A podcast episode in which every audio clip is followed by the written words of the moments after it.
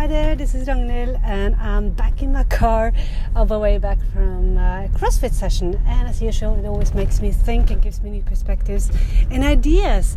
And even though I'm there and doing, you know, fitness in, in this really hard work, it always gets me to think about situation in daily work and daily life. And I find that extremely um, interesting to see how everything, even what we're doing, doing our workout, is connected to our everyday life. So the thing that I thought about just now when I sat back in my car is that how we tend to want to push ourselves beyond not necessarily our own limits. Uh, well, that's what we will experience, but also how we tend to push ourselves beyond what is actually a smart thing to do and what we're supposed to do. So again, I'm just going to use um, this fitness session or the uh, CrossFit session as an example because then you will see what I mean. Um, if you do any sort of exercise or you have in the past, you know that, let's say you're going out for a run, and you know the most stupid thing you can do is to start off really hard, you know, uh, run really fast for the first uh, five minutes or so, even 10 minutes, because you will not be able to finish at the same pace. You will be absolutely exhausted within those 10 minutes, and the rest of the, you know, the run will be pretty awful. And the same thing counts when you do CrossFit or any kind of, of fitness is that if you're supposed to do anything for a longer period of time and maybe going to do it again and again, like an AMRAP, where you have to do the same exercises and again and again for a certain amount of minutes, if you go off with everything you got on the first round, you will not be able to finish the same pace or with the same strength. You're going to be absolutely exhausted and probably you won't even be able to finish because you burn it all out in the first 10 minutes. Now, as I said, it's all connected, and the same thing applies in life. So, I've been across and came across with a lot of entrepreneurs, and what I one of the things that I hear very often is that uh, entrepreneurs, and I, I must admit I'm sometimes that way myself, is that we tend to want to do everything today really quickly you know get those results get out that website get the sales page out uh, get those customers in everything within you know least amount of time and if you can do everything today that will be excellent. And very often what i see and i've experienced that myself as well is that we push ourselves harder than we should and we're not playing smart.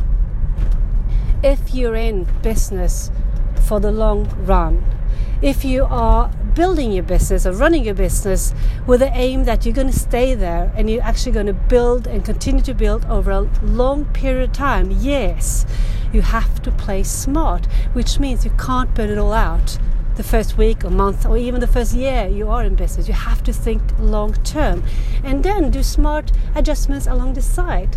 So if you compare that again to doing a fitness session, is that you know that you know the goal is for instance that within next year or next 12 months you want to launch um, you know a new course a new membership site or you want to uh, launch uh, a physical event or you want to just e- even launch your website. You know that, that that's going to happen within the next 12 months or so then you need to play smart. So you need to figure out okay, how can I play my energy, my time, my money, um, and even my creativity so that it will last for those 12 months and then pay out.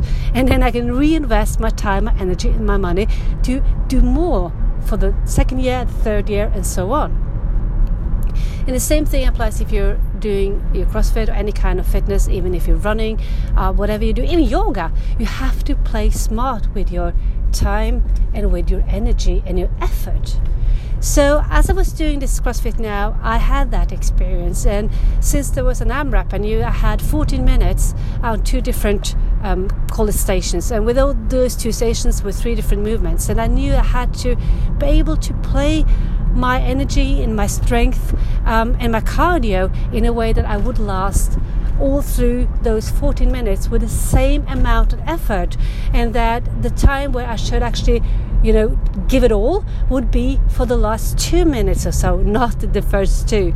And the same thing applies in business.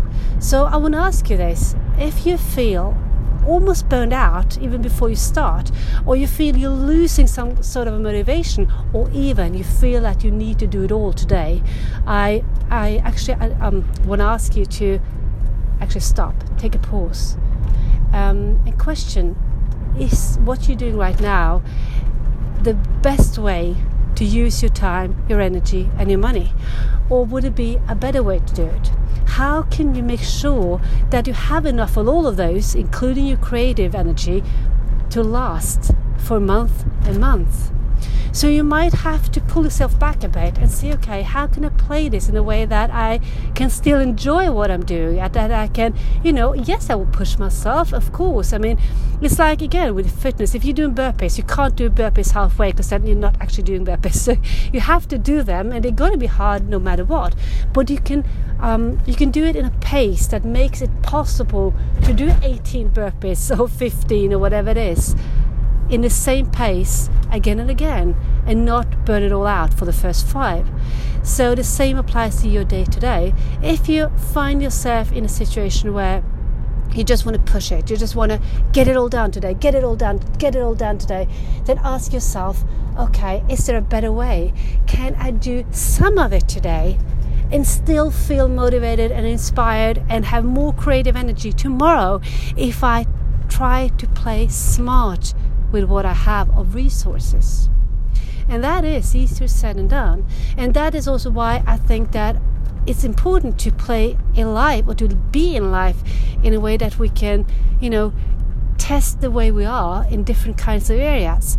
Like I said, how you do your fitness, how you run, how you go to the gym, how you go for walks, even how you do your yoga, it will very often be the way you run your life as well, how you do it with your own energy. So play around with that. Observe yourself when you do go and do something that's physical, or even if you don't do any kind of physical workout, then might maybe ask yourself why. What is it that I always just push aside, don't want to do, and still feel stressed out? Am I playing my energy in a wise way, or can I do it smarter? So with all of this, um, and I'm going heading back home, super inspired by what I just experienced. I, I hope you get some something out of what I've just said. So look at how you, you know, run your whole day, how you use your energy throughout the day, how you use your brain power, how you use your creativity, how you spend your money when it comes to business. And it's not about how much of any of those it's about how you do it. Is it sustainable for you over a longer period of time? And like I said, yes, in order to win somehow, in order to feel that you are gaining something, you need to push yourself always a bit more than you thought you were able to. Not just be careful about not spending it all out for the first 15 minutes or in business for the first month. So, play with this concept and see where it leads you um, and make notes. You might be experiencing some ahas when you start observing how you do this in your own life. So until next time, bye bye.